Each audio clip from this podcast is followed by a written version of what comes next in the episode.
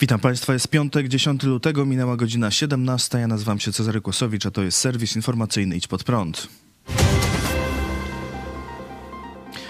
Rosja rozpoczęła nową ofensywę na Ukrainie. Michał Podolak, doradca prezydenta Ukrainy, przekazał wczoraj Nowa rosyjska ofensywa na szeroką skalę przeciwko Ukrainie już się rozpoczęła. W Donbasie trwają duże walki. Główne aktywne działania bojowe trwają w obwodzie ługańskim i donieckim. Podobną informację przekazał Serhii Hajdaj, gubernator obwodu ługańskiego. Rozpoczęła się rosyjska ofensywa w obwodzie ługańskim. Odpieramy ataki. Główne działania rosyjskie wojsko koncentruje na kierunku miasta Kreminna. Sytuacja jest trudna, ale jest pod pełną kontrolą naszych sił obrony, stwierdził Hajdaj. Sztab Armii Ukraińskiej przekazał dziś, że rosyjskie wojska prowadzą ofensywne działania na pięciu kierunkach na wschodzie Ukrainy, m.in. w okolicy Kupiańska, Kreminnej, Bachmutu, Awdijiwki, Marinki i Wuchłedaru. Rosja wystrzeliła dziś kilkadziesiąt rakiet na terytorium Ukrainy. Według doniesień Ukraińców, dwie z nich, rosyjskie rakiety Kalibr, wystrzelone z okrętów na Morzu Czarnym, przeleciały nad terytorium Rumunii, która jest państwem NATO, a także nad Mołdawią. Mołdawia potwierdziła, że pociski przeleciały nad jej terytorium, natomiast władze Rumunii zaprzeczyły, że rakiety naruszyły ich terytorium. Dowódca sił zbrojnych, generał, dowódca sił zbrojnych Ukrainy, generał Walerii Załużny, przekazał, że wczoraj i dziś Rosjanie użyli do ataku na Ukrainę ponad 100 rakiet. Ukraińcy zestrzelili ponad 60 oraz 5 dronów. Rosyjskie rakiety uderzyły m.in. w Kijów, Charków, Winnice, Krzywy Róg, Dniepr, Zaporoże i Lwów. Prezydent Ukrainy Wołodymyr Zełenski stwierdził, że Rosja wystrzeliła dzisiaj co najmniej 70 rakiet i powtórzył, że niektóre rakiety przeleciały nad Rumunią, mimo że władze Rumunii zaprzeczyły tym doniesieniom. Dzisiejszy atak to wyzwanie dla NATO, dla zbiorowego bezpieczeństwa, powiedział prezydent Zełenski. Wczoraj po wizytach w Londynie, Paryżu i Brukseli prezydent Ukrainy był w Rzeszowie, gdzie rozmawiał z nim prezydent Polski Andrzej Duda. Szef Biura Polityki Międzynarodowej Marcin Przydacz tak relacjonował spotkanie. Prezydent Zełenski zrelacjonował panu prezydentowi swoją ostatnią aktywność dyplomatyczną i szereg spotkań w Brukseli i innych stolicach europejskich. Rozmowa dotyczyła także planowanych przyszłych aktywności dyplomatycznych pana prezydenta i budowania agendy przed zbliżającym się szczytem NATO w Wilnie. W przyszłym tygodniu pan prezydent Andrzej Duda spotka się z sekretarzem generalnym NATO, więc ta wymiana opinii i informacji między prezydentem Polski i Ukrainy w kontekście tych aktywności jest tutaj bardzo ważna, powiedział przydacz. Wcześniej w Brukseli z Zełenskim rozmawiał premier Polski Mateusz Morawiecki.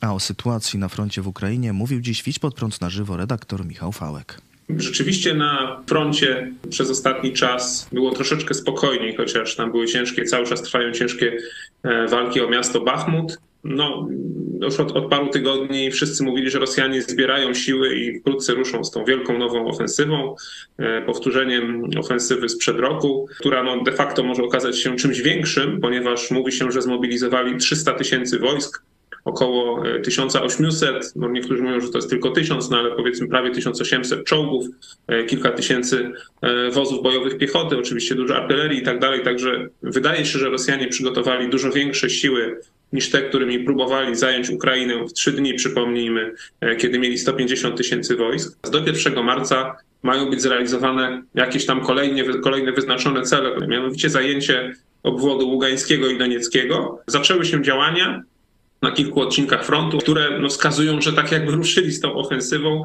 a dzisiaj e, dołożyli do tego kolejny zmasowany atak rakietowy. Rosjanie już ponieśli jedną bardzo spektakularną porażkę. E, naprawdę to jest porażka, o której huczy w rosyjskim internecie. Tam są wszyscy nie tylko zawstydzeni, ale wściekli i tak dalej, bo, e, bo pod Wuchledarem E, Rosjanie, Wuchledar to jest e, front zaporowski, czyli to jest południe, południowy front. Rosjanie próbują ten Wuchledar zdobyć, rzucają tam duże siły. E, między innymi rzucili taką już osławioną w boju elitarną 155. Brygadę Piechoty Morskiej. W tym ataku pod Wuchledarem stracili 31 sztuk, można powiedzieć, broni pancernej, czyli czołgi, bojowe wozy piechoty i tak dalej. To jest bardzo duża strata. Bo no, widać, że te próby tej ofensywy, którą Rosjanie podejmują, są przez Ukraińców skutecznie zatrzymywane ogniowo, tak? Czyli Rosjanie ponoszą duże straty, no i jakby to tak dalej szło, no to, to nic z tej ofensywy, nic z tego nie wyjdzie. W Jerozolimie doszło dziś do ataku terrorystycznego. Zabójca wjechał samochodem w osoby czekające na przystanku autobusowym. Na miejscu zginął sześcioletni chłopiec. Nie udało się też uratować życia młodego mężczyzny, który zmarł w szpitalu. Pięć osób jest rannych. Jak podaje The Jerusalem Post, policja zastrzeliła sprawcę. Napastnik został zidentyfikowany jako 31-letni Hossein Karaka, mieszkaniec osiedla we wschodniej Jerozolimie. Premier Izraela Benjamin Netanyahu podjął decyzję o zajęciu domu terrorysty i aresztowaniu osób z nim powiązanych. To kolejny atak na cywilów w Jerozolimie w ostatnim czasie. Pod koniec stycznia w reakcji na zamachy władze Izraela zapowiedziały odbieranie izraelskiego obywatelstwa oraz prawa do świadczeń socjalnych rodzinom Palestyńczyków, którzy dopuszczają się ataków terrorystycznych. Szwedzka policja nie wydała zgody na spalenie Koranu przed ambasadą Turcji. Uzasadniając to względami bezpieczeństwa, m.in. tym, że według szwedzkich służb specjalnych podobne demonstracje prowadziły do wzrostu zagrożenia terrorystycznego ze strony grup islamistycznych. O zgodę na spalenie Koranu wnioskowała mała organizacja Apal Larkerna, która zamierza odwołać się od decyzji. Jak deklaruje jej przewodniczący Chris Makundul, organizacja ta chce bronić szwedzkiej wolności słowa i jest przeciwna NATO. W zeszłym miesiącu przed turecką ambasadą w Sztokholmie odbyła się demonstracja innej organizacji. Protestujący spalili wówczas Koran i powiesili kukłę prezydenta Turcji Recepa Tayyipa Erdogana. W odpowiedzi turecki przywódca poinformował, że szwedzki rząd nie może liczyć na zgodę tureckich władz dla wniosku Szwecji o przystąpienie do NATO. Konstytucja Szwecji nie zabrania palenia świętych ksiąg ani flag, nawet szwagi, flagi szwedzkiej. Premier Ulf Kristersson wzywał jednak obywateli, by w ramach tej wolności zachowali odpowiedzialność. Według niego organizatorzy akcji to pożyteczni idioci. Rosyjska dezinformacja w czeskich wyborach. Czeskie Ministerstwo Spraw Wewnętrznych poinformowało, że podczas zakończonych niedawno wyborów prezydenckich w Czechach odnotowano szereg incydentów o charakterze dezinformacyjnym. Jak podaje czeskie Centrum Przeciwdziałania Zagrożeniom Hybrydowym, źródeł tych zdarzeń należy doszukiwać się w rosyjskich mediach propagandowych i wskazuje na agencję informacyjną Sputnik i jej telegramowe konto. Od listopada ubiegłego roku do momentu ogłoszenia wyników wyborów centrum monitorowało internet pod kątem manipulacji o tematyce wyborczej.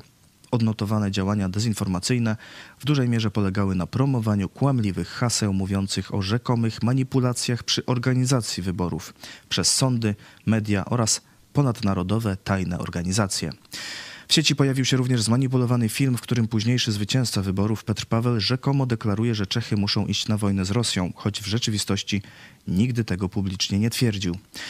Jeszcze przed pierwszą turą głosowania dezinformacyjne wpisy udzielały poparcia dla Jarosława Baszty, kandydata partii Wolność i Demokracja Bezpośrednia, a przed drugą turą popierały byłego premiera Andrzeja Babisza, którego określały mianem mniejszego zła.